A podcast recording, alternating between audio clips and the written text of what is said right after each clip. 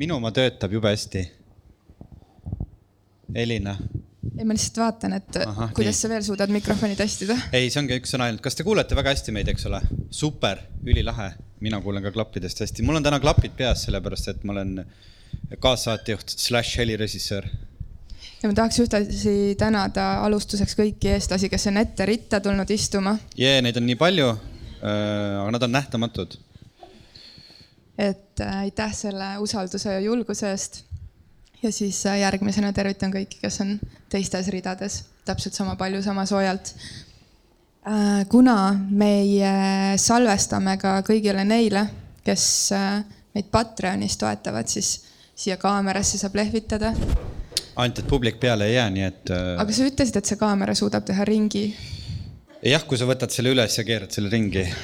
Siis ühel hetkel ma teen seda. ja, ja tegelikult äh, kõik, kes on meiega aastaid olnud, teavad, et mina ja Veiko kahekesi suudame lihtsalt äh, niimoodi vajutada rekki ja siis hakata minema selle tekstiga kahekesi. aga me ei ole täna siin kahekesi. panen kõlli ka või? oota ära veel pane, ma ütlen, kui on õige hetk okay,. tunneta nüüd. et äh, meil on täna väga mitmeid külalisi ja ma kuidagi tahan mõelda, et teie olete ka need külalised, et tegelikult igaüks teist siin võiks olla keegi, kes äh, võiks istuda näiteks sellel toolil ja oleks väga huvitav kuulda, mida te elust ja olemisest ja armastusest ja ja, ja kõigest arvate. nii et, et see, et sina istud täna justkui publikus, ei tähenda, et ühel hetkel sa võiks olla külaline. Aga meil on esimene külaline olemas, kes istub sellel toolil. nii et äh, siit saame minna edasi, aga nüüd, Veiko, ole täpne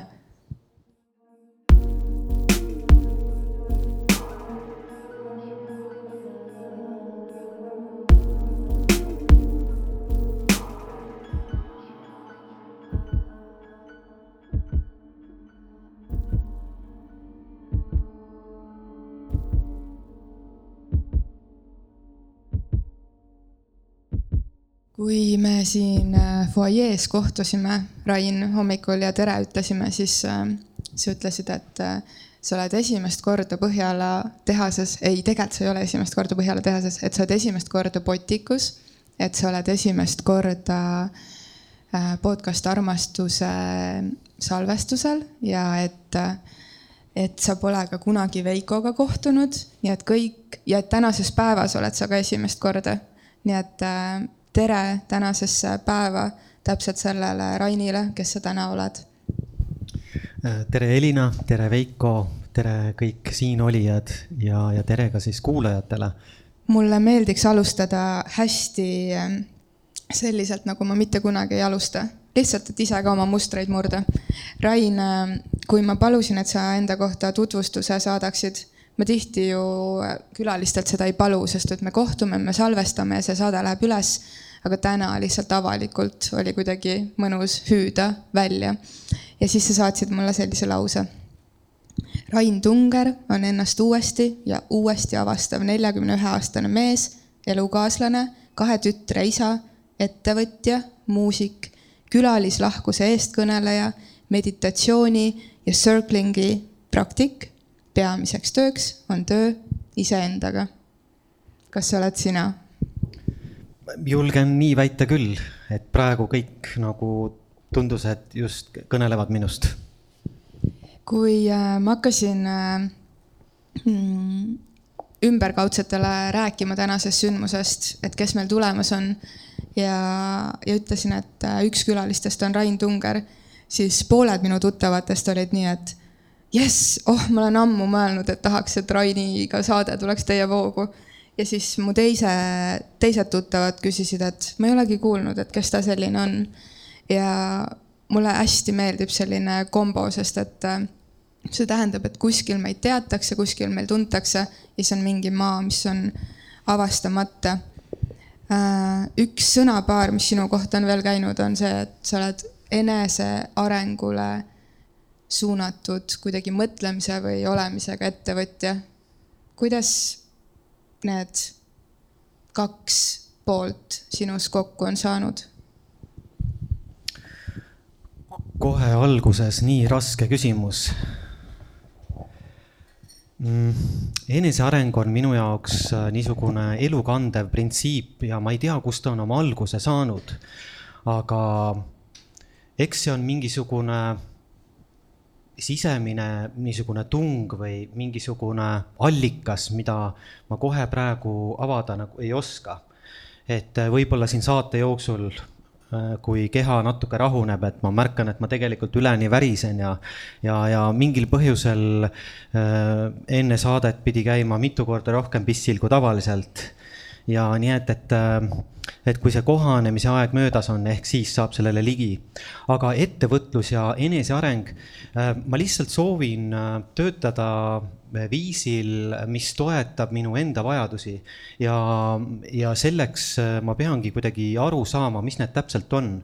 ja, ja siis äh, kuidagi pahaaimamatult tabasin, et juhul, kui ma olen kontaktis iseenda vajadustega, siis äh, ma märkan, et ka teistel on päris analoogsed ja sarnased vajadused. Ja, ja selle tõttu kuidagi need kaks asja omavahel ühendada oli igati loogiline, et et me saaksime luua keskkonda ja iseenda seisundit, äh, millest oleks kihvt äh, luua midagi, mida iganes me siis teeme, et, et antud kontekstis mina tegelen teenindusvaldkonnaga ja ei saa mitte ühtegi head teeninduskogemust olla, kui mul endal ei ole hea olla. ja selleks on mul vaja ka toetavat keskkonda ja inimesi seal ümber ja veel erinevaid niisugusi aspekte, millele, mille, millesse me saame sisse vaadata. Ja, ja ma olen käinud ka aeg-ajalt erinevatele ettevõtetele sellest rääkimas korra tulen selle sissejuhatuse juurde tagasi, Elina, sa tutvustasid Raini ja siis seal oli üks võõrsõna, millest mina ei saanud mitte midagi aru, kas see oli circling või cycling või mis, mis seal kirjas oli? Psychic. Psychic, mis tegelikult oli? Rain saab sellest ka mingi hetk äh, kindlasti rääkida. ma just mõtlesin, kas see tuleb jutuks või ma, ma küsin, teeme nii, et mina olen täna loll kuulaja yeah., sina oled nagu tark saatejuht mm -hmm, ja siis, kui nii. mina nagu millestki aru ei saa, siis ma küsin. ja ka see circling, cycling või mis see tegelikult oli mis sa ütlesid, mis see naljasõna oli? selle kohta Rain saabki öelda, aga yeah. kas sa tahad, et me üldse alustaksime seda saadet nagu täitsa uuesti? ei. okei okay,, lähme edasi. jah, teemegi nii, et ma küsin vahepeal lolle küsimusi ja siis lähme edasi. Rain, kui ma mõtlen äh, enda elukaare peale, siis lapsena on olnud selliseid selgeid hetki, kus ma tean, et ma olen olnud kuidagi ühenduses millegagi, mis on, mis on suurem kui, kui see miski, mida ma saan puudutada või, või, või tajun. ja siis on olnud tükk tühja maad. kui ma küsisin selle teadliku ettevõtja kohta, siis äh, ma kohe mõtlesin, et aga millal, millal sul tekkis kuidagi see janu või või isu üldse vaadata asjade sisse või, või märgata oma mustreid või, või millal see teadlikkus teadlikkusena üldse kuidagi ennast ilmutas, kust sa tuled, millal sa nägid selle vajadust ja, ja hakkasid äh, rohkem endasse vaatama?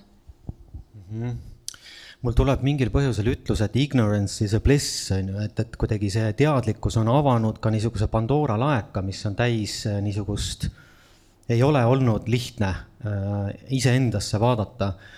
Ja, ja ettevõtluses äh,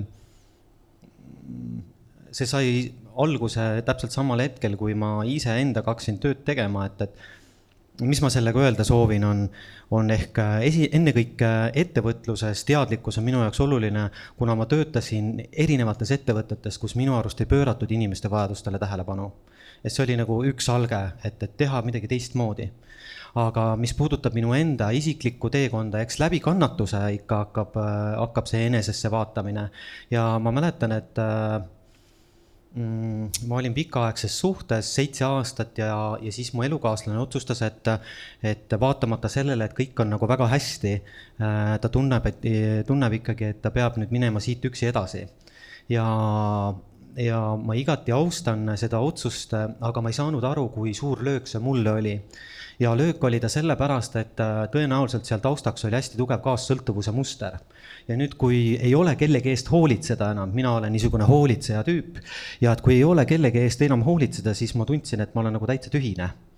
ja, ja vot selle tunde ajel siis äh, ma sain aru, et, et niisugune normaalne seisund ei saa olla selline, et minu sees on mingi tühimik, et ma peaksin kuidagi seisma, suutma olla iseendaga täiesti, täiesti vabalt ja heas tundes aga ma mingil põhjusel ei osanud seda saavutada siis, kui ma olin just lahutatud ja loomulikult on seal ka mingisugused armuvalu, armuvalud ja muud asjad, et muutused ongi rasked tulema juhul, kui ei ole paindlikkust. ja, ja selline paindlikkus ja elastsus Äh, saab tulla minu puhul ainult siis, äh, kui äh, ma aktsepteerin tõsiasja, et elu on pidevas muutumises. aga tolleks hetkeks, kui ma olin kolmkümmend aastat vana, siis ma kuidagi olin välja kujunenud juba mingi idee, kuidas elu toimib, kuidas selles toimida, mis on need väärtused, mis on need dogmad ja, ja nii edasi. ja ma arvasin, et justkui kõik on nagu paigas, aga tegelikult olin loonud endale täieliku niisuguse illusoorse maailma, mis ei olnud tegelikult kooskõlas tegelikkusega.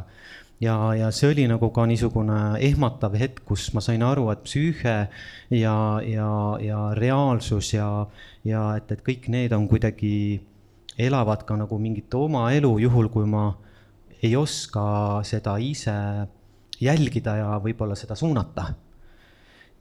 Mm ja, ja ütleme, kolmekümneselt ma siis hakkasin otsima iseennast ja muidugi tabasin ma ennast eneseabiraamatute juurest, et äh, ei olnud piinlik, tavaliselt inimesed räägivad ikka, et lähevad sealt kaarega mööda ja vaatavad, et ühtegi sõpra või sõbrannat ei ole, et selles osas mul ei olnud mingit hirmu. Ja, ja teiseks äh, tekkis suur huvi, oligi niisuguse enesetäiendamise, eneseavastamise osas äh, tekkisid üm, minu ümber mingid uued sõbrad, kes siis äh, olid juba sise sisetööga tegelenud pikemat aega, siis äh, sattusin juba mingisugustele tseremoniaalsetele kontekstidele peale, siis äh, kuidagi tabasin, et ma olen paari hea koolitajaga tuttavaks saanud, et täna on minu parim sõber Alar Ojastu ja keda ma ei osanud unistadagi, et võiks olla minu sõber, kuna ma vaatasin teda alt üles ja mõtlesin, et noh, sinna ma ei jõua selle elu sees küll. Äh, et, temaga sõbrustada, et ta tundus minule noh, täiesti üliinimene ja, ja järk-järgult ikkagi kui on mingi sisemises sees midagi on nagu muutunud, siis hakkab see ümberringi kõik see elu ka muutuma. ja, siis see kõik kuidagi soodustas seda arengut. aga mil-, millega ma ei, ma ei olnud arvestanud, on võib-olla see, et, et sellest on nüüd üksteist aastat möödas ja mul on niisugune tunne, et ma olen vaevu alustamas oma teekonda. ja, ja et vot see on see paradoks aga jällegi tunnistan, et ilma selle eelneva üheteist aastata ei saaks ma alustada teekonda. Et, et see kõik on olnud täpselt nii, nagu ta peab ja, ja, ja olen põnevil. et täna, täna ma ütlen nii, et, et et see enda sisemaailmaga töö tegemine on võtnud minu peamise aja ja sellepärast ma ütlesingi, et, et minu peamine töö on töö iseendaga. ja ma imetlen inimesi, kes jaksavad teistest inimestest rääkida, sellepärast et mul ei jagu selleks aega, et, et kuidagi enda sees on nii palju tegemist.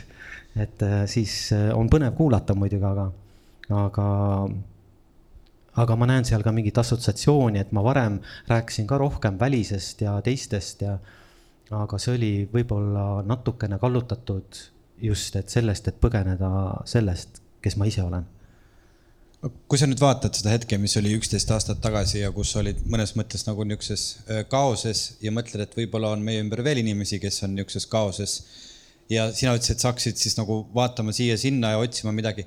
kas, kas sa praegu, üksteist aastat hiljem, oskad nagu mingeid niidiotsi kätte anda Äh, inimesele, kes on, oleks selles samas olukorras või see on ikkagi niimoodi, et sa pead kõik ise avastama või on tunne, et näiteks mine vaata seda ja mine tee seda, et sa midagi oskad juba selle kogemuse pealt öelda, et, et, et kõiki eneseabiraamatuid ei oleks vaja lugeda, et võta need neli näiteks mm. -hmm. No raamatusoovitusi noh, ma võin küll teha, aga ma mõtlen seda, et, et ikkagi see sisemine ajend hakkab alati iseendast. Ja mm, teiste inimeste abistamine Mm, see tuleb meil kuidagi tihti päris hästi välja, et, et noh, vähemalt kui ma iseennast jälgin, siis mingil põhjusel teise inimese protsessi nähes, siis me teame täpselt, mida ta tegema peaks. ja, ja paraku ma ei ole veendunud, et see kõige parem abi on. nii et ma täna jään natukene sulle vastuse võlgu, et, et, et kui on inimene segaduses, siis ma arvan, et ainuke, mis ma endale sellel hetkel oleks öelnud, on see, et, et Rain, tee ennast haavatavaks ja ütle, et sa oledki segaduses ja see on okei okay et mingil põhjusel ma tahtsin kuidagi seal taga veel toimis see, et, et ma ei tohi välja näidata, et ma olen segaduses, aga ma vaikselt aitan ennast, et ma võtan siit selle raamatu, selle raamatu, see, mis ma kodus teen või see, mida ma kodus söön või et, et see on nüüd taimetoit või tol ajal ei olnud see taimetoitlus ka nii suur äh,, suuresti kasvanud ühiskonnas veel ja, ja et, et teha ennast äh, nii-öelda tõesti haavatavaks, et mul on praegu selline olukord, ma ei tea, mida teha. ja ma usun, et siis on see abi tuleb igalt poolt. ja ma kujutan ette, et ka, ma ei tea, kas teie kogemus on selline, aga mingis mõttes, et see abi, see, kust ta tuleb, tuleb just õigel ajal ja just õige asi. nagu, et õige raamat satub mulle õigel ajal kätte et mingil põhjusel see just siis kõnetab. ma mäletan, et kui ma Alariga kohtusin, siis Alar ütles, et ole hea mees, loe jutuajamised Jumalaga raamat läbi ja, ja vaata, kuidas, kuidas edasi läheb. no see oli tol hetkel oli nagu noh, mingisugune valgustumine korra, on ju. et äh, avastada Jumal iseendas, et äh, või siis kasvõi kohaloleku jõud, et Eckart Tolle sattus mõnda aega hiljem kätte ja, ja jällegi täiesti uus äh, niisugune äh, ala avanes minu sees, et äh, ju ma ei olnud varem selleks valmis ja, ja siis, kui need õiged hetked on, et vot sellel hetkel ma taban. ja muidugi raamatutega on veel see põnev asi, et, et kui oled ühe korra lugenud seda, siis äh, ei pruugi sealt kõike kätte saada, et need kaks raamatut, mida ma praegu nimetasin, et neid ma olen lugenud korduvalt ja iga kord ma loen nad täiesti nagu poleks kunagi lugenud. Ja, ja loen hoopis teistsugust infot sealt välja iseenda jaoks teen lihtsalt ühe järelkommentaari, mis oli minu jaoks nagu huvitav tõdeda, mida ma olen ka tähele pannud teatris.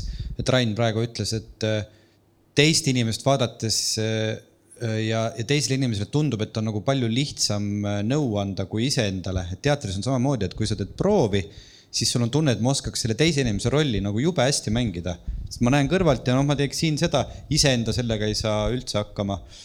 et et eh, see oligi lihtsalt selline huvitav paralleelide tõmbamine ja ma ei tahtnud sellega muud midagi öelda, kui et eh, paneme selle teadmise kõrva taha. ja, ja tegelikult ma olen hästi, olin eh, esitamas sarnast küsimust nagu Veiko, sina, et mul on juba nii palju seoseid kuidagi enda elu ja kõigega. korraks vahele lihtsalt aitäh, Rain, et sa jagad.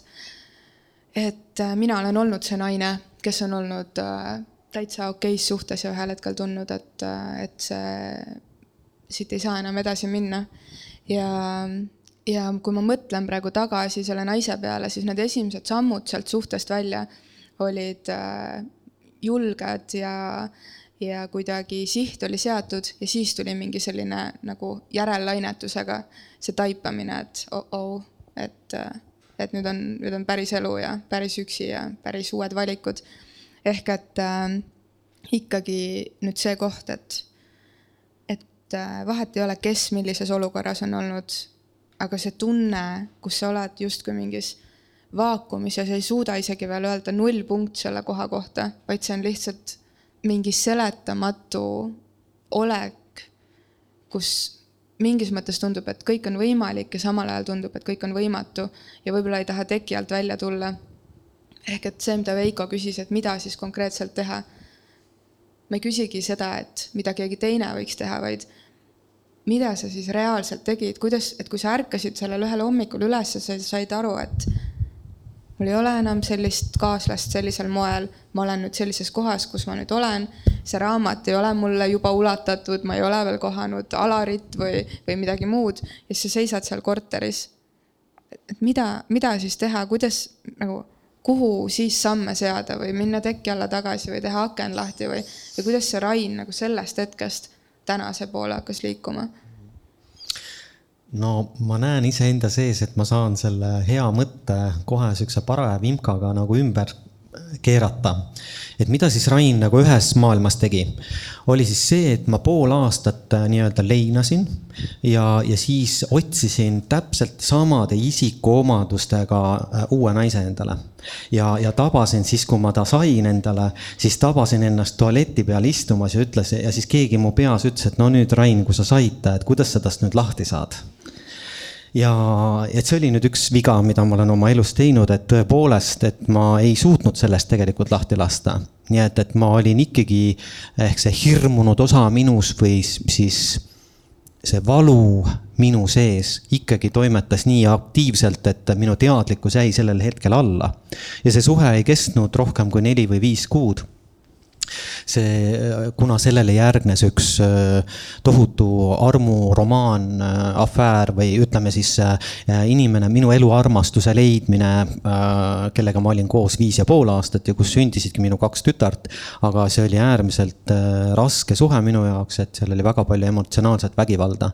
nii et, et, et, et see on nüüd see, kuidas see on läinud, aga kuidas ma siis sellel hetkel nii-öelda ennast koos hoidsin Äh, ma arvan, et äh, ma ei, ma tegin samamoodi nagu paljud inimesed, et äh, ma ei teinud teadlikke samme sellel hetkel, et ma esiteks tõenäoliselt uppusin töösse et leidsin endale asendustegevusi võimalikult palju, et ma ei peaks tundma seda. ja, ja, ja teiseks siis otsisin raamatutest tarkust ja iga kord, kui mingi mõte jälle nagu ühendas ära, siis ma sain nagu selle tunde kõrvale panna. ehk siis ma panin nagu sellele sildi juurde, ahah, ma saan aru, mis asi see on ja siis ma ei pea sellega otseselt enam tegelema. aga see oli kõik lihtsalt asjade edasilükkamine ja, ja, ja ma ei saanud äh, rohkem äh, asju selgeks, vaid tegelikult läksid minu olukord läks nagu segasemaks.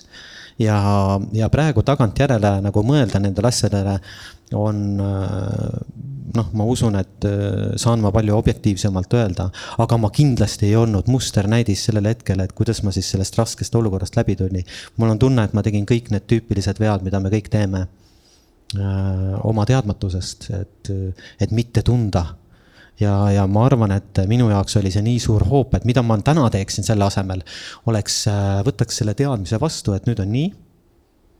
ja, ja, ja kogeksin neid tundeid, mis, mis see minus üles toob ja protsessiksin need läbi.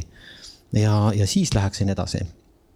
et äh, vastasel juhul ma olen ikkagi äh,, mind sõidutab seesama valu seal all ja see tühimik, void, ma nimetan inglise keeles, et see tühi koht, mis vajab nii kangesti täitmist.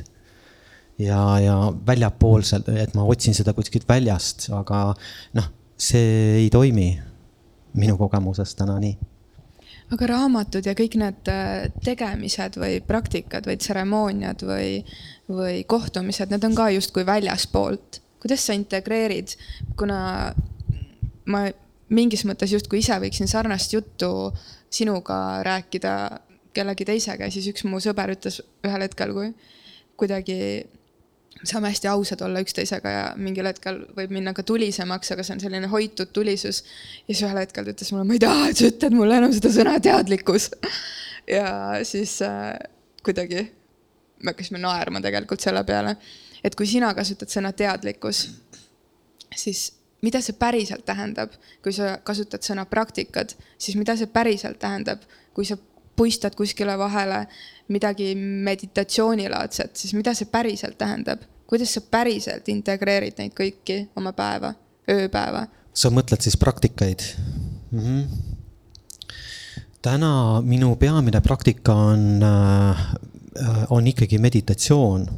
ja ma pean tunnistama, et, et ma olen proovinud sellega algust teha varasemalt küll Headspace, küll Sam Harrist kuulates, küll erinevaid äh, kursusi läbides ja see ei ole mulle külge jäänud. ja ma tabasin ennast kuidagi mõtet, et mul on üldse kuidagi raske harjumusi, uusi harjumusi sisse juurutada.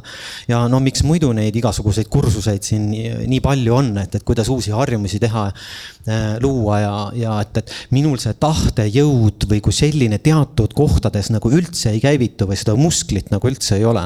ja see oli meditatsiooni puhul samamoodi, et ma ei saanud aru, et, et kuidas on võimalik istuda üle, ma ei tea, viieteistkümne, kahekümne minuti, ilma et see oleks tohutu kannatus. ja, ja et mida ta siis mulle päeva lõpus nagu tegelikult annab, et noh, et ma oma peas mõtlen, et oh, kindlasti ma olen nüüd rohkem kohal. aga noh, tagantjärele tarkus on see, et ma ei olnud rohkem kohal.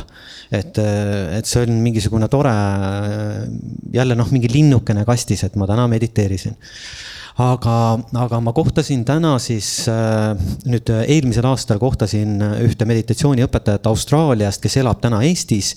ja tema nimi on Matthew Zoltan ja tema õpetab niisugust praktikat nagu natural meditation ja seal ei ole mitte midagi keerulist, et äh, loomulikult äh, ta avab seda konteksti äh, ennekõike retriidil, et ma olen käinud seal nüüd siis kolmel retriidil.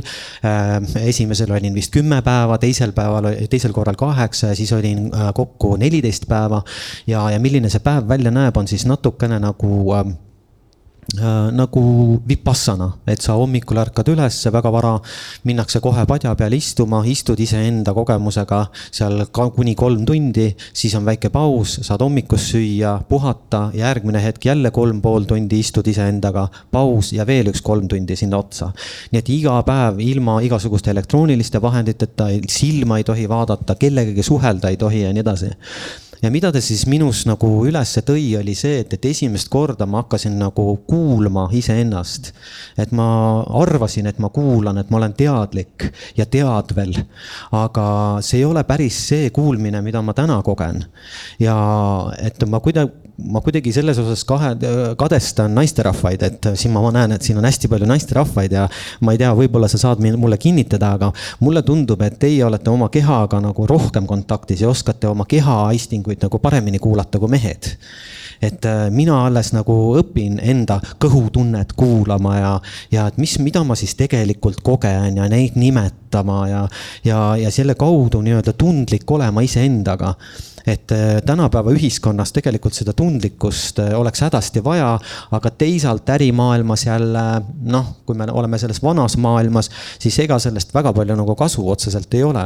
aga edasi minna ilma selle tundlikkuseta enam ei saa ja nüüd tagasi tulles siis selle praktika juurde, et äh, esimest korda elus ma kogesin midagi niisugust, et head praktikad, mis justkui sobivad ja peavadki minuga olema, need, need tekitavad soovi sellega ise tegeleda, et seal ei pea kasutama tahtejõudu esimest korda ma tabasin, et ma tahan istuda iseendaga, et see on minu parim aeg.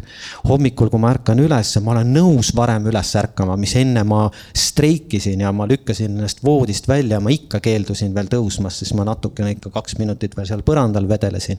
et jumala eest edasi lükata seda hetke. aga nüüd täna, et kui nii, kui mul silmad lahti lähevad, et tegelikult mul on sisimas suur soov istuda padja peale ja lihtsalt äh, mediteerida ja meditatsioon minu jaoks täna on praktiliselt näeb välja välja seda, et ma istun kõikide oma tunnete ja oma aistingute ja kogemustega ja aktsepteerin seda ja lihtsalt jälgin ja tunnen neid tundeid ja seda ma soovitan ka teha kõikidel, kellel ei ole nii pikalt aega, noh, ma teen hommikuti tavaliselt tund, poolteist, kaks, istun äh, padja peal, kuidas see võimalik on. ma ütlen teile ausalt, ma oma äh, vaimusilmas ei kujutanud üldse ette, et see võimalik oleks. aga juhul, kui ikkagi minna läbi sellest valust, mis siis sellega alguses kaasneb, ehk see on läbi harjutamise. et esimesed päevad mul kulus põlvevalu, puusavalu, siis hakkab kehast tulema ülesse veel erinevaid valuallikaid ja, ja seal Matthew siis selgitab ka tegelikult, et, et meil on kahte tüüpi mälu, üks on siis see kognitiivne mälu ja teine on ju kehamälu. et siit, mis me nagu, mina, minu mälu ei ole väga, väga hea, aga keha mäletab kõike ja täpselt nii ehedalt, kui sa need asjad olid. ja siis ta ütles, et kui sa istud nad piisavalt palju aega iseendaga, vot siis hakkavad asjad ülesse tulema. keha hakkab andma nagu sulle neid, seda infot kätte seal, mille, mis, mis on kõik juhtunud sinuga ja, ja nüüd ma saan aru, miks on mul tekkinud kaassõltuvuslikud kalduvused, miks on mul tekkinud olukorda raskusi äh, äh, nii-öelda seada piire äh,. miks äh, ma ei oska ennast vägivallast äh, kuidagi enda eest seista, miks ma langen kollapsi, kui on mingi intensiivne moment ja et, et kust on need pärit ja, ja kus on see kese, et kus on see mina siin, kes siis nagu on võimeline öö, äh, oma instinktide baasil juba toimetada vastavalt olukorrale. Et, äh, et see kõik on minu jaoks täna avastamine ja me läbi meditatsiooni ma saan siis esimest korda kontakti päriselt sellega, kes ma siis nagu olen. Sest enne ma olen, tänaseni ma olen tegelikult hunnik erinevaid persoonasid et need, seesama nimekiri, mis sa seal kirjutasid, et noh, et või mis ma kirjutasin sulle, et muusik, noh, see on jälle üks idee, on ju, et, et, et ma olen ettevõtja, veel üks idee, siis ma olen veel, ma ei tea, meditatsiooni ja circling'i praktik, noh, jälle üks lugu, mida rääkida. aga tegelikult ma olen ju lihtne inimloom, kes avastab ennast iga päev uuesti ja uuesti, ilma et, et siia külge võiks panna ükskõik mingit lugu ja, ja minu ainukene praktika on täna siis meditatsioon, et, et ma praegu sellesse sügavamale ei lasku, et kui keegi tunneb selle vastu huvi, siis äh, ta saab välja, äh, üles otsida niisuguse saidi nagu quietretreats.co. Äh, ja nende järgmine retreat on juba minu arust Rapla maakonnas mm, mai alguses. nii et, et ja, ja, ja siis tuleb pikk paus, et siis nad teevad alles sügisel ja, ja ülejäänud praktikad, mida ma siis teen, on äh, lihtsalt äh, oma keha toonuses hoidmine, et, et praktika on ka tegelikult see, et ma lähen, et mul on ööuni on kvaliteetne, et ma lähen alati normaalsel ajal magama. et ma ei tegele elektrooniliste vahenditega enne seda, et ma teen neid valikuid, et ma tõepoolest hoolin ja armastan iseennast, sellepärast et see on minu arust kõige suurem väljakutse. et ma ei tea, kuidas teie kogemus on olnud, aga, aga teiste inimeste armastamine tuleb mul väga hästi välja ja eriti külalislahkuse puhul et, äh, et siis väga raske on iseennast armastada ja, ja tõesti panna ennast esikohale ja hoolida endast nii palju, et, et, et, äh, et iga kord, kui ma teen mingeid valikuid ja ma küsin üle, et kas see, mida ennast armastav, armastav inimene teeks siis ma saan aru, et oi, et ma jälle ületan mingi piiri siin. et ma jälle lükkan midagi edasi, näiteks, et äh, ma ei tea, midagi on vaja ära teha ja tegelikult ma tahan magama minna, aga ma lükkan selle edasi, selle magama mineku aga enam ma ei lükka seda edasi, sellepärast ma tean, et ma olen hommikul palju värskem ja ma olen võimeline seda kaks korda paremini edasi tegema. mis mu praktika on veel, toitumine, et eh, mida ma söön, millal ma söön, et ma alles uurin, sest minu nii-öelda soolestik on mingil põhjusel nii tundlik, et ta annab kohe märku, kui talle midagi ei meeldi. on see siis stress, on see siis erinev toit, on see kellaaeg, on see, eh, on see viis, kuidas ma söön, kuna ma olen elukutseline teenindaja, siis teenindajad mingil põhjusel söövad püsti jalu nurga taga kahe minutiga veega kugistavad selle sisse ja ühe lonksuga joovad siis pool liitrit vett alla. nii et, et äh, see kõik on tegelikult kehale šokk. et äh, ja nüüd ma pean harjutama ennast ja see on tegelikult väga napakas olukord, sellepärast et ma olen proovinud pulkadega süüa, et jumala eest mitte kiiresti süüa. siis ma olen võtnud lastelusika, sellepärast et ma muud moodi ei suuda ennast pidurdada.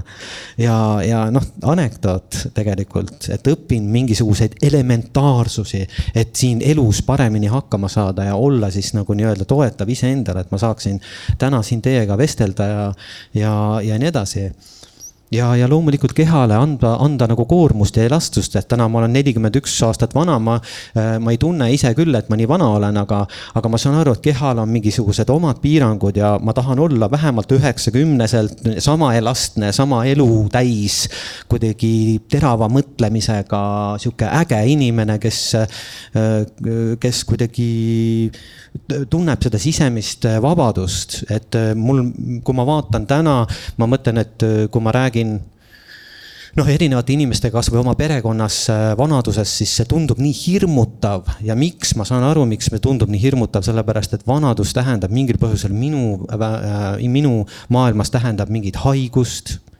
hääbumist kõikvõimalikku huvitav, kas ma saan Alžeimeri dementsuse, mis iganes, nagu kui halvasti mul siis tegelikult läheb, ma veel ei tea aga see ei ole ju, see ei ole ju tegelikkus, tegelikkus on see, et, et kui ma ennast äh, hoian õigesti, siis ma olen äh, elu täis elu lõpuni. Ja, ja kui ma mõtlen, et huvitav, et noh, et, et, et tahaks millalgi pensionile jääda. no ma ei tahaks kunagi pensionile jääda, ma tahaks kogu aeg midagi luua ja teha ja, ja, ja on see siis mingid lihtsad asjad või on need suured asjad, no kes teab, aga aga need on need praktikad ja, ja, ja, ja, ja keha nagu enda keha, keha hoidmine on vist noh, prioriteet number üks.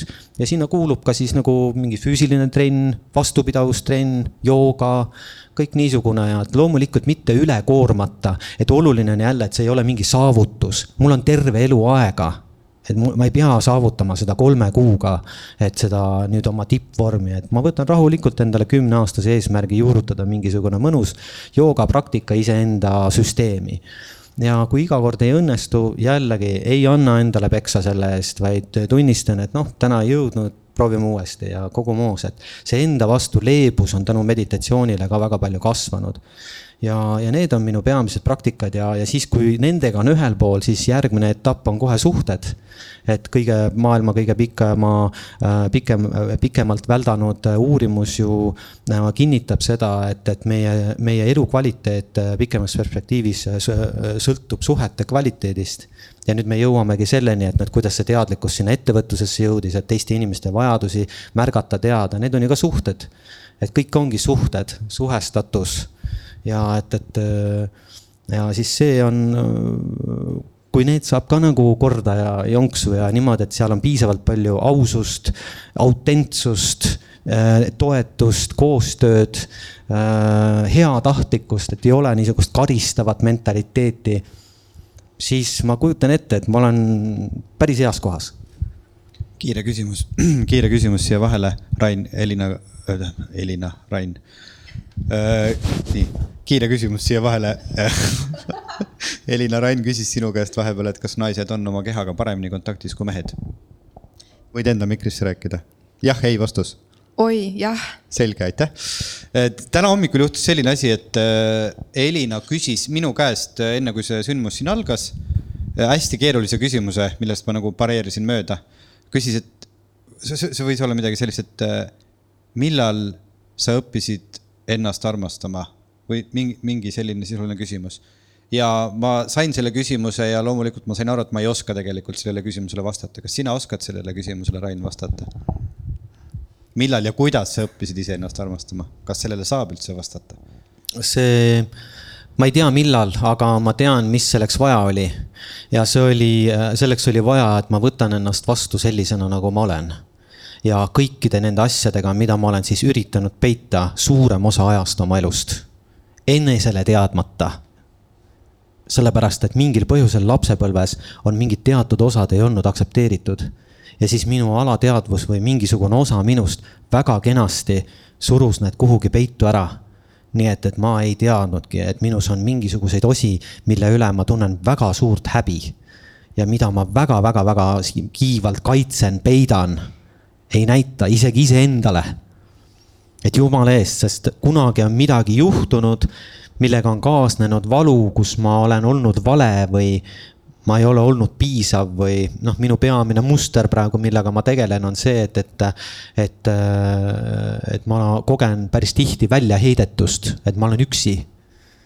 aga noh, see on illusioon ja, ja see tuleb erinevates olukordades välja, töö juures mul, me teeme nelja partneriga tööd või noh, meid on neljakesi oleme, mingil põhjusel ma tunnen, et ma olen selles koosluses, olen üksi. Ma näen oma parimaid sõpru ja minu elukaaslast ja me neljakesi suhtleme, järsku taban ennast tunnete juures, kus ma jälle kogen, et ma olen üks väljajäänudest. et kolm on koos, aga mina olen üksi mingi olukord, koolitus, kus seal siis äh, juh-, õpetaja pööras tähelepanu seltskonnale ja siis ma jälle tajusin, et mingil põhjusel vaat sellele pööratakse tähelepanu, mina olen jälle üksi. et ma olen kogu, kogu aeg väljas millestki ja võib-olla see kõlab natukene, ma ei ole sellest kunagi rääkinud, aga ja endal on läbi mõtlemata see asi, aga et ma just hiljuti, kaks päeva tagasi jälle tegelesin selle tundega, järelikult ma saan aru, et elu lihtsalt peegeldab mulle mingeid asju minu sees olevaid asju erinevates kontekstides. ja, ja mida rohkem, mida tihedamini see sõnum mulle kohale jõuab, seda rohkem ma saan aru, et ahaa, mingi kala on siin, et miks ma tunnen siis ennast üksi, et miks ma kuidagi tunnen seda väljajäetust, mingisugune, mingi lugu on käima läinud kuskilt millalgi varasemast east ja mul ei ole selle juurde praegu ligipääsu, aga, aga see on kindlasti, mida ma saan tähele panna. ja nendel hetkedel ma olen siis otsustanud iseennast hoida lihtsalt, et okei okay,, Rain, isegi kui, mis tunne on olla üksi, noh, tunne seda tunnet siis, et ma tunnen siis, et ma olen üksi. noh, tegelikult see on ka illusioon, et ma olen ju iseendale olen olemas, et mul on väga raske ennast nagu kuidagi hüljata täna. varem ma tegin seda palju osavamalt ja, ja et on okei okay ja täiesti turvaline tunda neid tundeid, aga ma varem nagu vältisin siis ma püüdsin, kas ma reageerisin, hakkasin muutma olukorda, hakkasin mõtlema positiivselt. ma ju ei ole, lõin endale illusioone, et jumala eest mitte kogeda seda üksindust. aga tegelikult, mida keha tahab viia mind kokku tagasi selle tundega, mis vajab vastuvõtmist ja mis vajab seda, mis, mille, mille jaoks varasemalt ei olnud ruumi et see kogemus, mis mulle siis tol korral juhtus, sellel hetkel ma ei osanud, ma ei saanud seda vastu võtta, seda kogemust ja nüüd ta siis kutsub mind kogu aeg, keha ütleb, kuule, ole hea, vaata siia, no võtame, teeme selle korda, noh, et, et kuidagi tahaks siit edasi minna, aga, aga kõigepealt on vaja sellest kuidagi nurgast, sellest nurgast nagu läbi minna, et võta ennast vastu. ja siis ma võtan ennast vastu nüüd, et see on, sellest hetkest hakkas see enesearmastamine, et võtan ennast vastu igas olukorras. Ja mõnikord on nii goofy, et noh, et, et minus on see Mr Nice Guy, et kes peab nagu, et väline peab olema alati, ma pean nägema alati väga šarmikas välja, hea ja sihukene tasakaalukas ja võimas ja, ja kõik siuksed ja kui ma ei näe välja selline, siis ma peidan ennast koju ära. aga täna on nüüd nii, et, et mõnikord läheb ikka täitsa metsa ja, ja siis on nagu tohutu kabuhirm, et noh, mis nüüd saab. aga siis ei saagi muud midagi, et, et saan jälle ennast vastu võtta ja õppida, et see on okei okay mis iganes, et, et äh, ma ei tea, kas see vastas su küsimusele, Veiko? kõik, ja muidugi. sa oleks võinud lihtsalt öelda ka midagi ühesõnalist ja ikka oleks olnud hästi. Äh, Rain, kuna minu töö on ka suures plaanis seotud äh, enesearenguga, see on üks naljakas sõna, aga, aga nimetame seda praegu nõnda, siis ma olen märganud ühte sellist tendentsi. Kirjeldan ja siis palun vasta, kas see kõnetab sind et, et inimesed, kes kuidagi rohkem tegelevad endaga läbi mingite praktikate või siis ka kuidagi oma eluteel on valinud tööks olla kuidagi vaimsete praktikate või, või vaimsete füüsiliste praktikate õpetajaga, aga kuidagi seal taustal on kogu aeg see töö endaga. kas sa tunned, et, et see võib ka olla mingis osas lõks, et kogu aeg nagu teha või kogu aeg olla selles ringis või mõnikord olen öelnud, et, et, et see kõik ei pea tulema nii raskelt või kogu aeg ei pea nagu nämmutama või kogu aeg ei pea ka tegelema, sest ma olen näinud, kuidas inimesed ei oska lihtsalt olla. ja minu jaoks kõige selle muu kõrval, sest ma ka teen endaga igapäevaselt tööd, on hästi oluline see, et me oskaks ka lihtsalt olla. ja et see lihtsalt olemine ei võrdu meditatsioon või et see lihtsalt olemine ei ole mingisugune teadlik, hoian sinust kinni, hoia minust kinni, et oleme lihtsalt, aga oleme ka teadlikult, et selles oleks mingi sihuke nagu, äkki Mikit on selle kohta öelnud midagi mölutamise sarnast. Siia lõppu ei ütlegi midagi muud. molut, meil on need mingi, mina olen sealt idablokist okay. pärit ja siis ma nimetan mingeid asju teistelt sõnade ja tähtedega, siis Veiko alati vaatab mulle siit Tallinna küsin. poolt vastu, et kuule, meil küll siin nii ei öelda. see on nagu möll, moll, moll, ei tea okay.. molutamine, mölutamine. mõlemad sobivad. et äh, kas, kas see mõte kõnetab sind? no väga kõnetab, sellepärast et ma olen ise olnud samasugune. et kõikvõimalikke praktikaid ja rohkem ja, ja et, et ikkagi nii palju on veel teha ja, ja paraku õppimisega on ju nii, et, et mida rohkem õpin, seda rohkem saan aru, kui vähe ma tean ja, ja on nii palju asju, mida tegelikult äh, sooviks jõuda teha ja, enesearenguga seonduv, on see siis mm,. aga minu äh, süsteemis oli see, seal oli väga lihtne põhjus. et muidu ma ei tunne, et ma olen piisav. et ma pean kogu aeg ennast täiendama, et ma ei, ma ei, ma muidu, mind ei aktsepteerita, ma ei ole, ma kukun välja, muidu ma olen ebaatraktiivne, mis iganes need põhjused on, et jumala eest vältida seda äh, seda hüljatuskogemust, et ja kui ma nüüd ei pinguta ja ei tee ja ei tegele endaga ja kõiki neid praktikaid ja kui ma ei ole targem ja teadlikum mõne keskmisest eestlasest või et siis, siis ma põhimõtteliselt hääbun, suren, noh, seal taustal on tõenäoliselt mingi surmahirm. ehk et kas sa oskad molutada, mölutada? ma täna julgen öelda, et täna juba oskan jah aga see on alles hiljuti õpitud ja see tekitab ka ebamugavust, et, et äh, sa ütlesid, et noh, et miks, miks mitte lihtsalt olla. aga kui ma vaatan äh, oma varasemaid äh, noh, elukeskkonda ja ma eile käisin oma isa sünnipäeval ja, ja, ja et, et jälgin ju inimesi, kuidas, kuidas teineteisega räägitakse ja mis teemadel ja et loomulikult olid päevakajalised teemad olid seal väga tuliseks äh, tuliseks äh, aruteluks ja, ja ma mäletan, kuidas mul kodus oli, telekas käis kogu aeg, senikaua kuni inimesed on kodus ja ja et, et milleks, et selleks, et jumala eest mitte olla iseendaga, et jumala eest mitte kuulda iseennast. miks inimestel on nii palju sõltuvusi, kaasa arvatud minul? Minu suurim tänane vaba, vabanemine on sõltuvustest vabanemine. et ma, mind on erinevad sõltuvused kammitsenud, et jumala eest mitte tunda ennast sellisena, nagu ma olen ja vaikuse hetk toob ju selle kõik ülesse see lihtsalt olemine tekitab ebamugavustunnet, juhul kui siin on midagi, millega ma ei ole tegelenud, millesse ma ei ole vaadanud. siis ta hakkab ju tulema, aa, näe Rein, tekkis paus, no vaata nüüd siia, kuule, et need oleks need asjad, millele peaks nagu kuidagi pilku heitma. aga siis ei, ma lähen võtan endale ühe kohvi, kohe läks mõistus jälle tööle, kuidagi läks jälle paremaks ja, ja, ja, ja nii edasi, et ütleme, et jah, et, et minu nii-öelda see molutamise potentsiaal läks tavaliselt äh, ikkagi tegemise alla ja, ja, ja mingite erinevate nagu viiside äh,, on see siis äh, mingid sõltuvuslikud käitumused, sotsiaalmeedia äh,, filmid, noh, igasugused stimulandid vahepeal mõtlesin, et noh, et kui ma joon rohelist teed või puuerteed, siis ma olen nagu teadlikum. vabandust, et ma äh, julge, et ma kuidagi loodan, et sa ei pahanda, aga minul läks üle piiri täiesti see puuertee tarbimine, et ma kaotasin selle tseremoniaalse konteksti seal ära et ma ei osanud enam olla selle teega. ma loodan, et sul on läinud paremini. ma korraks ütlen tee märkusena vahele, et, et see võib kõlada imelikult, aga ma arvan, et ma olen oma tutvusringkonnas üks inimene, kes joob kõige vähem teed üldse. et äh, minu jaoks äh, tee ja tseremoniaalne ruum käivad koos ja, ja väljaspool äh, tseremoniaalset ruumi ma sellist teed absoluutselt ei tarbigi.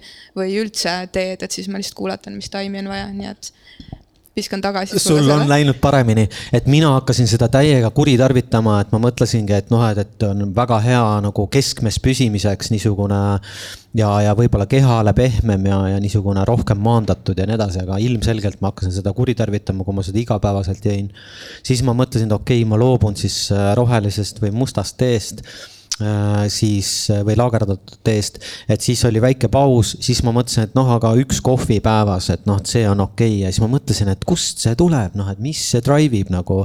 ja kui seda kohvi ei saanud, siis tahaks ikka kangesti mingit šokolaadi ja siis ja siis ma märkan pidevalt ennast kirjestamas ehk siis mingit näkse võtmas ja aru andmata, miks ma seda teen, tegelikult on taustal ärevus ja see on see molutamise hetk, potentsiaalne molutamise hetk, et kuule, võta nüüd vabalt ja nagu ole lihtsalt sellega, mis on ja aga ei suutnud, ei osanud, siis hakkasin kohe täitma seda kuidagi erinevate vahenditega, et jumala eest ei peaks. tekkis see tee, teekaitsja lause veel siia lõppu, et äh, ma tegelikult oma koolitustel põhisõnum on äh, juua võimalikult vähe teed. aga siit edasi. Rain, sa võtsid vastu kutse podcast armastusest salvestusele tulla, räägime armastusest. jään jänni kohe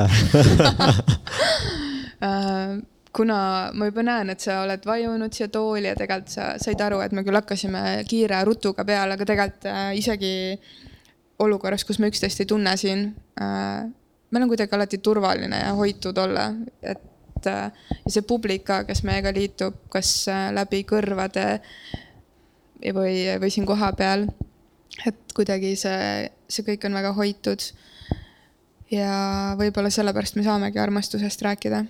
kui äh, see sõna armastus, mis eesti keeles on kuidagi nii, nii tugevate tähtedega raamistatud, üldse kuidagi õhku tuleb, siis mis mis mõtted sul esimesena tekita-, tekivad või mis see armastus kui selline sinu jaoks on? no esimene tuleb, et nagu millest maailm kon-, koosneb, on mingi, ma tahaks öelda, et koosneb armastusest. et see on mingisugune divine choreography, mingi, mingi, et, et mingi, kui kõik ära kaob või et kui ma sinna allikasse ükskord siis jõuan peale oma lõppu miks ma julgen seda väita, on võib-olla sellepärast, et mul on olnud üks kogemus, äh, mis oli tugevalt psühhedeelne ja terve keha lahustus ära, nii et ma jõudsingi sinna täiesti tühjusesse ja see kõik tundus nagu ongi üks sihukene allikas, armastus. aga see on võib-olla natuke abstraktne, mida see, mida see siin päris maailmas minu jaoks armastus tähendab, on äh, ma, jah, ma kartsin, et see küsimus tuleb, on ju, et ma eeldasin, et see küsimus tuleb. et ma mõtlesin, mis see armastus minu jaoks täna tähendab. noh, armastus ennekõike tähendab minu jaoks äh, aktsepteerimist kui kõike, mis, mis on, et see on, see on lihtsalt üks kogemus. et kui ma vaatan meie suurt äh, vihast äh, naabrit siin, kes praegu sõda peab et, et ja seal eesotsas on siis väga vihatud äh, inimene, siis ma mõtlen, ühest küljest on, on õigus, aga teisest küljest ma saan aru, et me oleme ise loonud sellise inimese ja meie keskkond on ju loonud. et me kõik oleme ise põhjustanud need asjad, mis kõik juhtuvad, me ju kõik oleme osa sellest. ja ma saan aru, et, et kuidagi armastus on selles kontekstis, et mitte, mitte et ma nagu noh, aktsepteeriks, et see kõik on okei okay,.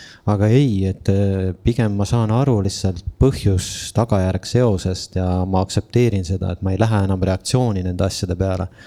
ja, ja et mul on sellega rahu, et ma, ma ei pea ka rahus olema, et, et see võib mulle ka haiget teha, aga, aga et lihtsalt äh, usaldada, et kõik on täpselt nii, nagu peab, et noh, et, et isegi kui see on äärmiselt ebameeldiv, ebaõiglane, mis iganes, et noh, mul tuleb meelde mingid põhjusel noh, sellised inimesed nagu Nelson Mandela on ju, kes on, ma ei tea, viiskümmend aastat oli vist vanglas istus.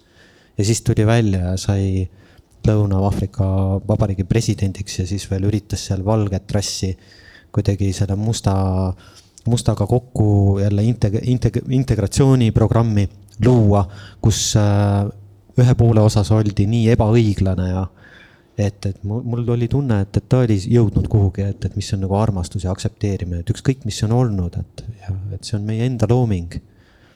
ja mul on tunne, et, et, et mul on endale, enda sees on nii palju vaja tööd veel teha, et, et seda aktsepteerimist või seda mõistmist sellisel tasandil äh, igapäevaelus rohkem nagu kogeda et ma märkan, et ma ikkagi reageerin, noh, mingi mühakas tuleb, lükkab sul ukse nina ees kinni, onju. et astun poodi sisse või, ja ta ei pane tähele, et, et mina sealt tulen tagant, siis ikka kuidagi saan vihaseks, et kurat, mis sul viga on, onju.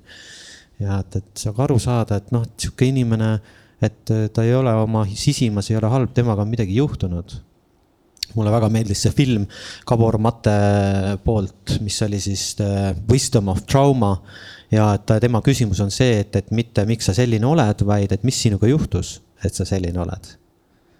et meiega, meiega pidi midagi juhtuma. et äh, miks Venemaa pealik niisugune on, on see, et midagi temaga juhtus. midagi oli väga pahasti juba seal alguses ja nüüd me kanname selle vilja lihtsalt. ja, ja need on keerulised teemad, aga, aga, aga armastus on jah, ma arvan, et äh, selle kuidagi terviku mõistmine, et miks asjad on niimoodi, nagu nad on ja selle aktsepteerimine.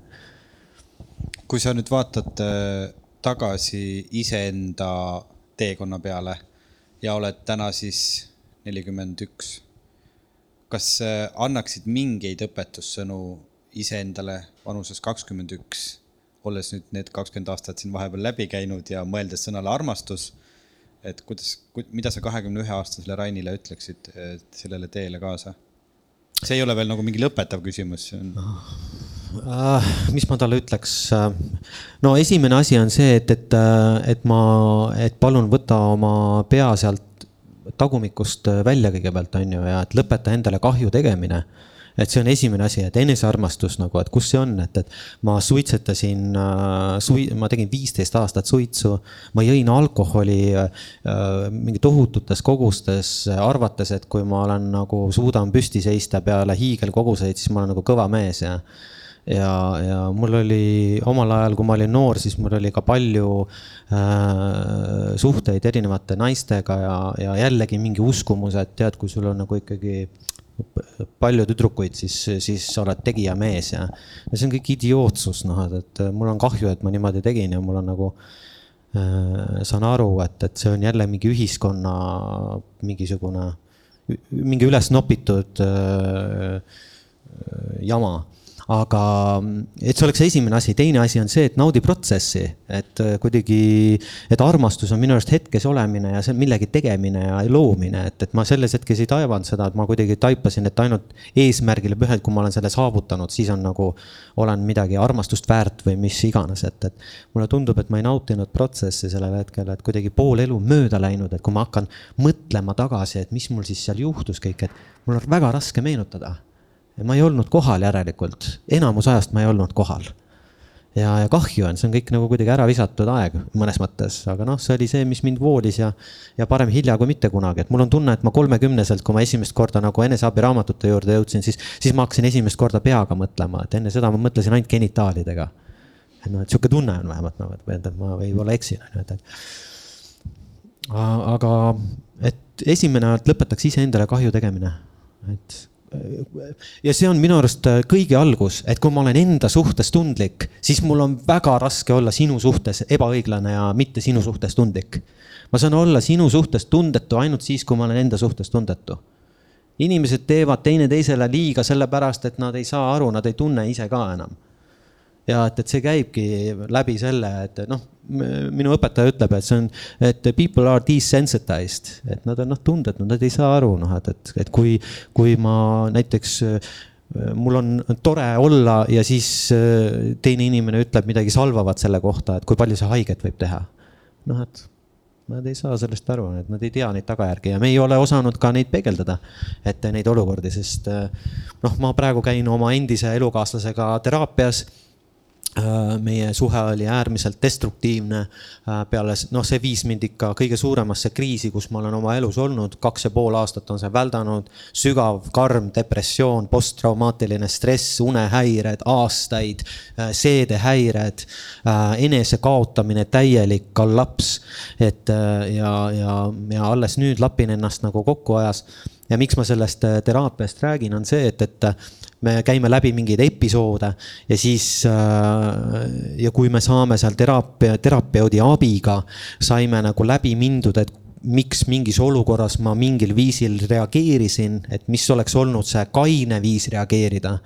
siis kui ma oleks talle öelnud lihtsalt, et ära tee, see teeb mulle haiget, kui ma oleks olnud võimeline midagi niisugust ütlema hetkel, kus ma sain kohutavalt palju haiget, siis siis teine osapool ma tõenäoliselt oleks öelnud, et aa, sorry, ma ei saanud, ma ei saanud üldse arugi, et ma teen haiget.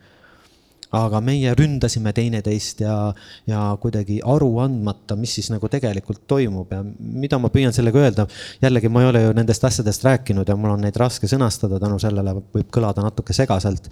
aga et kui ma oleksin tundlik enda suhtes ja ma saaksin aru, mis midagi minule teeb siis ma olen võimeline väljendama seda teisele osapoolele ja siis teine osapool saab aru aa, kas mina teen seda? ai, mina teengi seda, kas mina teengi niimoodi või? ja siis ta, ma saan, siis ta saab teadlikuks, et okei okay,, aga see ei ole ju see, mida ma teha tahan tegelikult. ja, ja siis me saame nagu aidata teineteist ja me saame kuidagi terveneda, aga, aga tol hetkel meil puudus see kapatsiteet ja oskus. Rain, sa oled isa. mida isa sinus armastusega uuel moel seostanud on? Või kuidas sa, kuidas sa isana armastad? issand, mõeldes selle peale, siis tahad pisarad kurku tulla. et äh, kui väga ma armastan oma tüdrukuid, et äh, on, mul on kuueaastane Elsa ja kolmeaastane Ida. ja esimene asi, mis puudutab armastust, on jällegi see, et, et lapsevanemana võtta vastu see, et me ei ole täiuslikud. et noh, et, et see surve, mis tuleb nagu, et, et justkui, et see puhas olevus jääks ka puhtaks, no see on minu kogemuses võimatu projekt. nii et, et äh, see on osa elust ja, ja ma õpin nendega koos ja, ja me terveneme koos ja. et neid düsfunktsionaalseid suhteid on minu elus olnud nii palju ja sealt on nii palju kaasa võetud ja ma ei ole ennast nii korda veel saanud ja ma näen, kui tugevad peeglid on minu lapsed et kuidas nad reageerivad. aga isana, no mis mulle täna meeldib, et minul ei ole isa olnud. Ja siis ma mõtlesin, et noh, milline see isa siis on. Ja esiteks on see, et, et ma olen oma laste jaoks kohal et nagu päriselt ka, et see silmside, et, et ma ei ole kuskil, ei rända oma tööasjades samal ajal või ma ei mõtle mingitele muud asjadele, et. ma oskan võtta aega, et ma praegu pean tegelema neid asju, mul pole sinu jaoks aega. aga et ma siis, kui ma olen päriselt ka nendega, siis ma olen päriselt nendega nagu. ja, ja mis on väga kihvt, on see, et ma isegi olen mõned, mõned nagu korrad suutnud minna nagu täitsa nende maailma ja ise olla ka siis seal mängus sees. no näiteks, et oi, keegi tuleb ja siis nurga taga peitu ja siis kuidagi noh, mängida kõike seda mängu kaasas, kuidas nad kogevad seda ümber olevat ja ja kuidas me eile tantsisime, et on fantastiline multikas on see Laulame või Sing, Sing üks ja Sing kaks.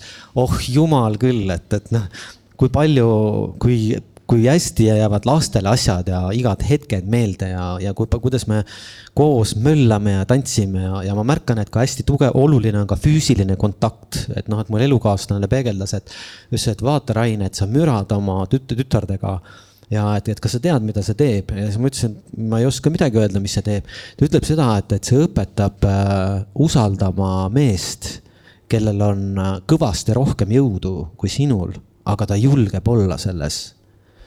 Ja siis ma ei osanud üldse sellele nagu seost nagu vau, et kas tõesti, siis see ongi see üks terve aspekt, mis siis võib-olla sellel pikemas perspektiivis tema suhtele kaasa aitab. Ja, ja noh, see kõik on äärmiselt põnev ja ma olen hästi tänulik nende olemasolu üle ja ma olen hästi tänulik, et ma saan isa olla, mul on väga hea meel ka, et ma olen olnud elukutseline teenindaja, sellepärast et laste teenindamine kakskümmend neli seitse, noh, sellised ootused, anna olla, noh, et, et see, et see on täiesti absurd, kui mitu korda ma pean jooksma ikkagi ühest kohast teise, et lõpuks see väike olend saaks sööma hakata, sellepärast et küll on kahvel vale ja siis makaron ei ole õiget pidi ja siis on tass ei ole õige ja siis see ei ole ka sada häda, ühesõnaga, et kuidas siis säilitada iseennast selles ja see on hästi kihvt õpe ja mõnikord muidugi ma kaotan jalgealuse ka ja siis ma vabandan ja siis ma ütlen, et juhtus niisugune asi, et ma kaotasin iseennast ja, ja ma ei saanud hakkama ja et ma vabandan ja, ja lapsed saavad väga hästi aru.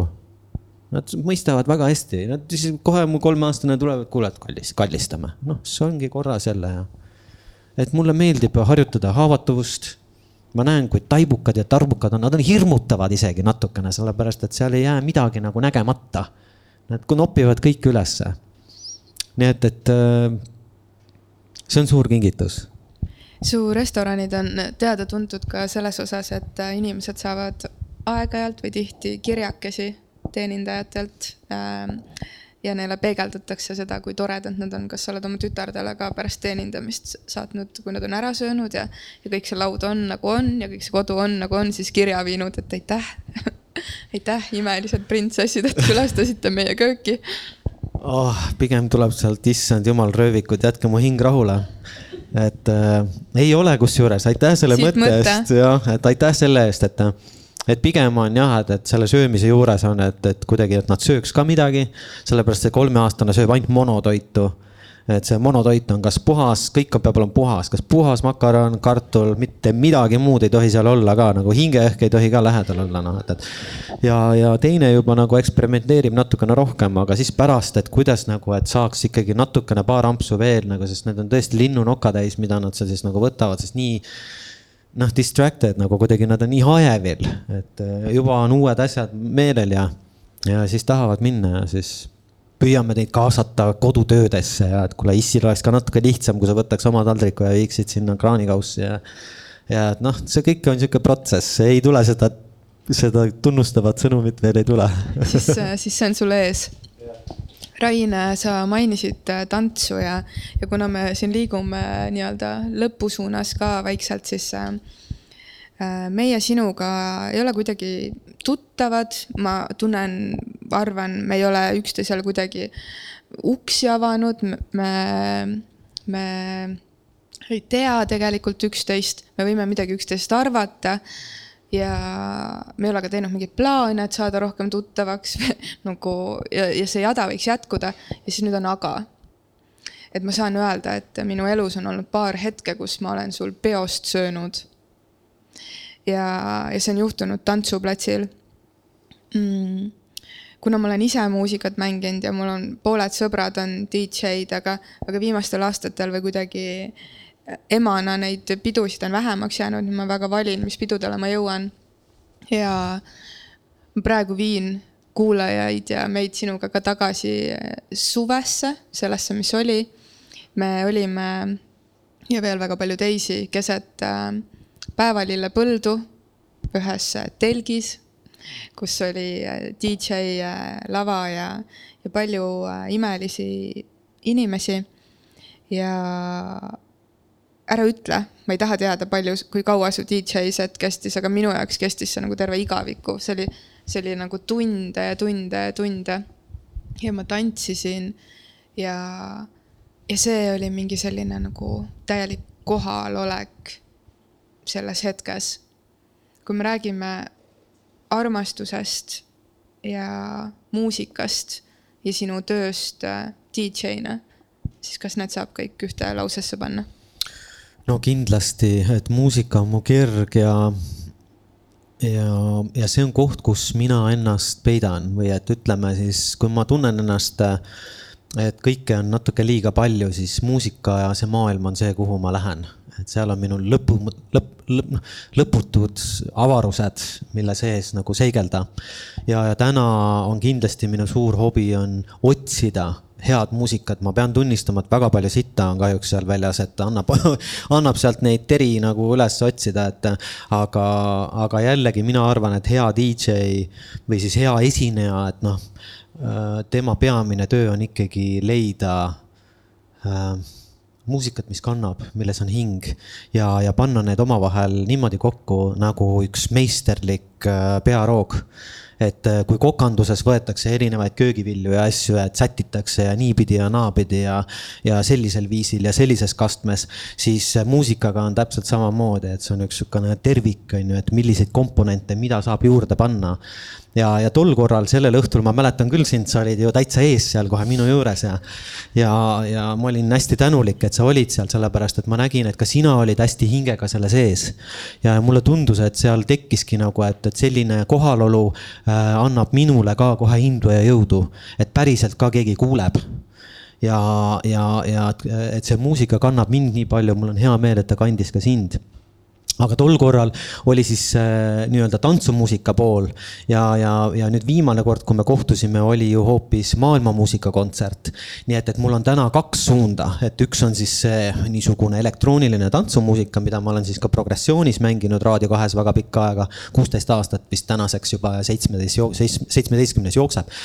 aga minu tõeline kirg vist läheb praegu üldsegi selle ekstaatilise tantsu kontseptsiooni maailmas, miks sest seal on on nagu noh, nii suur mängumaa, et, et kuidas siis sobitada swingi äh, mingisuguse ladina rütmiga või house beat'iga ja, ja et, et kuidas need erinevad ajastud ja, ja kõlad omavahel ühendada ja panna veel tervikuks liikuma, et see kõik kuidagi tempoliselt areneb ja, ja nagu, nagu hero's journey on ju, et, et, et see oleks üks kihvt seiklus, et, et see on see, kus minu loovus läheb käima ja et, et see on kindlasti armastus, mida ma kogen siis sellel hetkel hetkel. aga ta on äärmiselt frustreeriv ka muidugi, et sellepärast, et teate, kui ma julgen väita, et mul on nagu elu on kinkinud kõrvad, et noh, et, et ma ei suuda olla keskkonnas jällegi, kus on väga sitt muusika.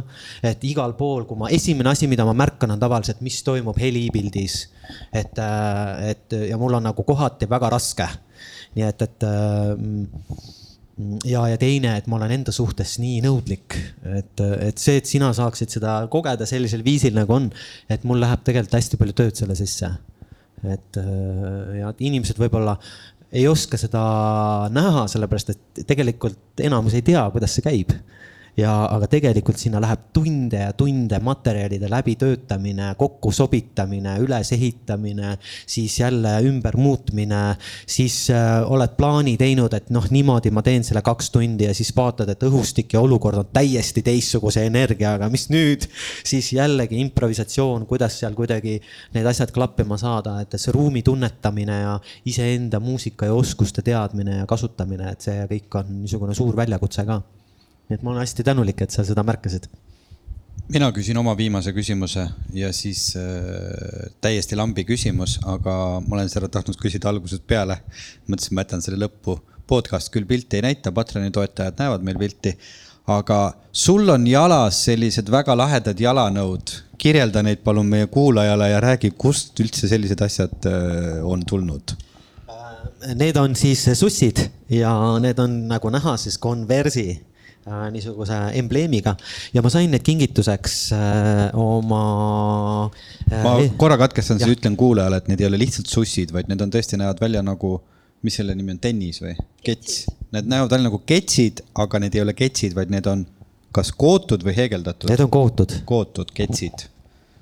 nii ja mis lugu nüüd nendega? vot ja ma nüüd äh, nime osas jään kohe vastuse võlgu, ma sain need kingituseks, aga ma tean, kelle käest ma saan küsida. Eestis on üks andekas inimene, kes neid teeb ja, tol korral, kui siis äh, paluti mulle äh, neid teha, siis ma mäletan, et ta vist ütles midagi suut, niisugust, et selle sisse läheb nii jõhker töö, et ta väga ei taha neid tegelikult teha. et äh, see on hästi tülikas, ma saan aru, et noh, kui ma juba need endale peale vaatan, nad on juba nii ägedad et.... aga mis see sinu arvates, sinu sinu kohta ütleb, et sa äh, oled nii julge, et paned jalga endale kootud ketsid? ma võtsin need täna kaasa täiesti spontaanselt, ma lootsin, et ma saan istuda niisugune rätsepistmes. ja, ja siis ma mõtlesin, et ma ei saa ju rätsepistmes istuda lihtsalt, äh, ma ei tea, oma tossudega. ja, ja siis, et mul on vaja mingit sussi selleks. ja, ja huvitaval kombel need sussid ka tekitasid ka meil siin kuidagi Elinaga kohe väikese jutuajamise enne podcast'i algust, nii et, et need sussid on kuidagi märgilise tähendusega täna ma paari, kuna see nüüd tuli siia lõppu, siis ma paari lausega võin öelda ja et ma avastasin, et kui Rain neid äh, sussketse äh, jalga tõmbas, siis äh, ma avastasin ennast mõttelt, mis viis mind lapsepõlve ja siis ma korraks ka mõtlesin, kas see on kohatu kuidagi Rainile seda lugu rääkida. aga see lugu oli selline, et et äh, kuna minu pere ei ole väga kirikus käinud, siis äh, ma pidin lastekooriga, mudilaskooriga toona veel minema kirikusse esinema ja ja kodus äh, emaga arutasime, et kas kirikusse peab minema vahetusjalatsitega või mitte. me ei teadnud seda. ja, ja ma arvan, et ma ei pidanudki seda seal kuueaastasena teadma. midagi sellist oli see vanus ja, ja lõpuks me siis ikkagi otsustasime, et need mustad lakkkingad ema mulle kaasa paneb. ja ma mäletan sellel külmal talvel siis vaatasin seda suurt Kunda kiriku ust ja siis mõtlesin, et kas ma pean need lakkkingad siin õues jalga panema või et mis jumal nagu mõtleb samal ajal, et kui ma nüüd nagu sisse astun ja hakkan neid vahetusjalatsid sees panema, et kas siis jumal annab mulle andeks või ei anna. et sihuke nagu dilemma ja siis Rain ikka samal ajal, kui ma talle seda lugu rääkisin, seisab mu kõrval ja kuulab ja siis mõtlen, ikka veel mõtlen, et kas see on nagu kohatu rääkida seda lugu või mitte või kust see tuli. ühesõnaga, ma hakkasin neid lakkkingasid seal Kunda kiriku ees sihuke härmas trepi peal jalga panema ja siis muusikaõpetaja tuli mu juurde ja ütles, et äh, Helina, kirikusse ei ole vahetusjalatseid vaja, tule, tule sisse äh,. selline lugu siia vahele. Rain, see, kuidas sa kirjeldasid äh, seda muusikalist äh, mingit kulgu või lugu kõikide nende ilusate sõnadega. seda kõike ma soovingi sulle et, äh, et jah, see on töö, et panna kokku, kokku enne mingisugused tükid või, või momendid, et siis astuda edasi siit juba sellesse hetke või siia või homsesse. aga et, äh, et see kõik oleks kuidagi kantud ja, ja, ja et me saaks seda elu elades olla tõesti meie ise aitäh, et sa oled sellel teel sellisena. aitäh, et äh, sa võtsid selle kutse vastu. et äh, täna siia tulla. ja ma väga soovin, et, äh, et kõikides järgnevates hetkedes, kus me kohtume, meil oleks ka piisavalt südant ja kohaloleku tunnetust, et, et üksteist hoida. aitäh sulle aitäh minu poolt ka ja aitäh kuulajatele ja, ja Veikole siis lõpetuseks, et see, mida Elina mainis alguses, oli circling ja see on üks aususe ja eheduse praktika, mida õpetatakse Hollandis. et kui sa selle kohta soovid rohkem infot, siis ma hea meelega jagan sinuga. aitäh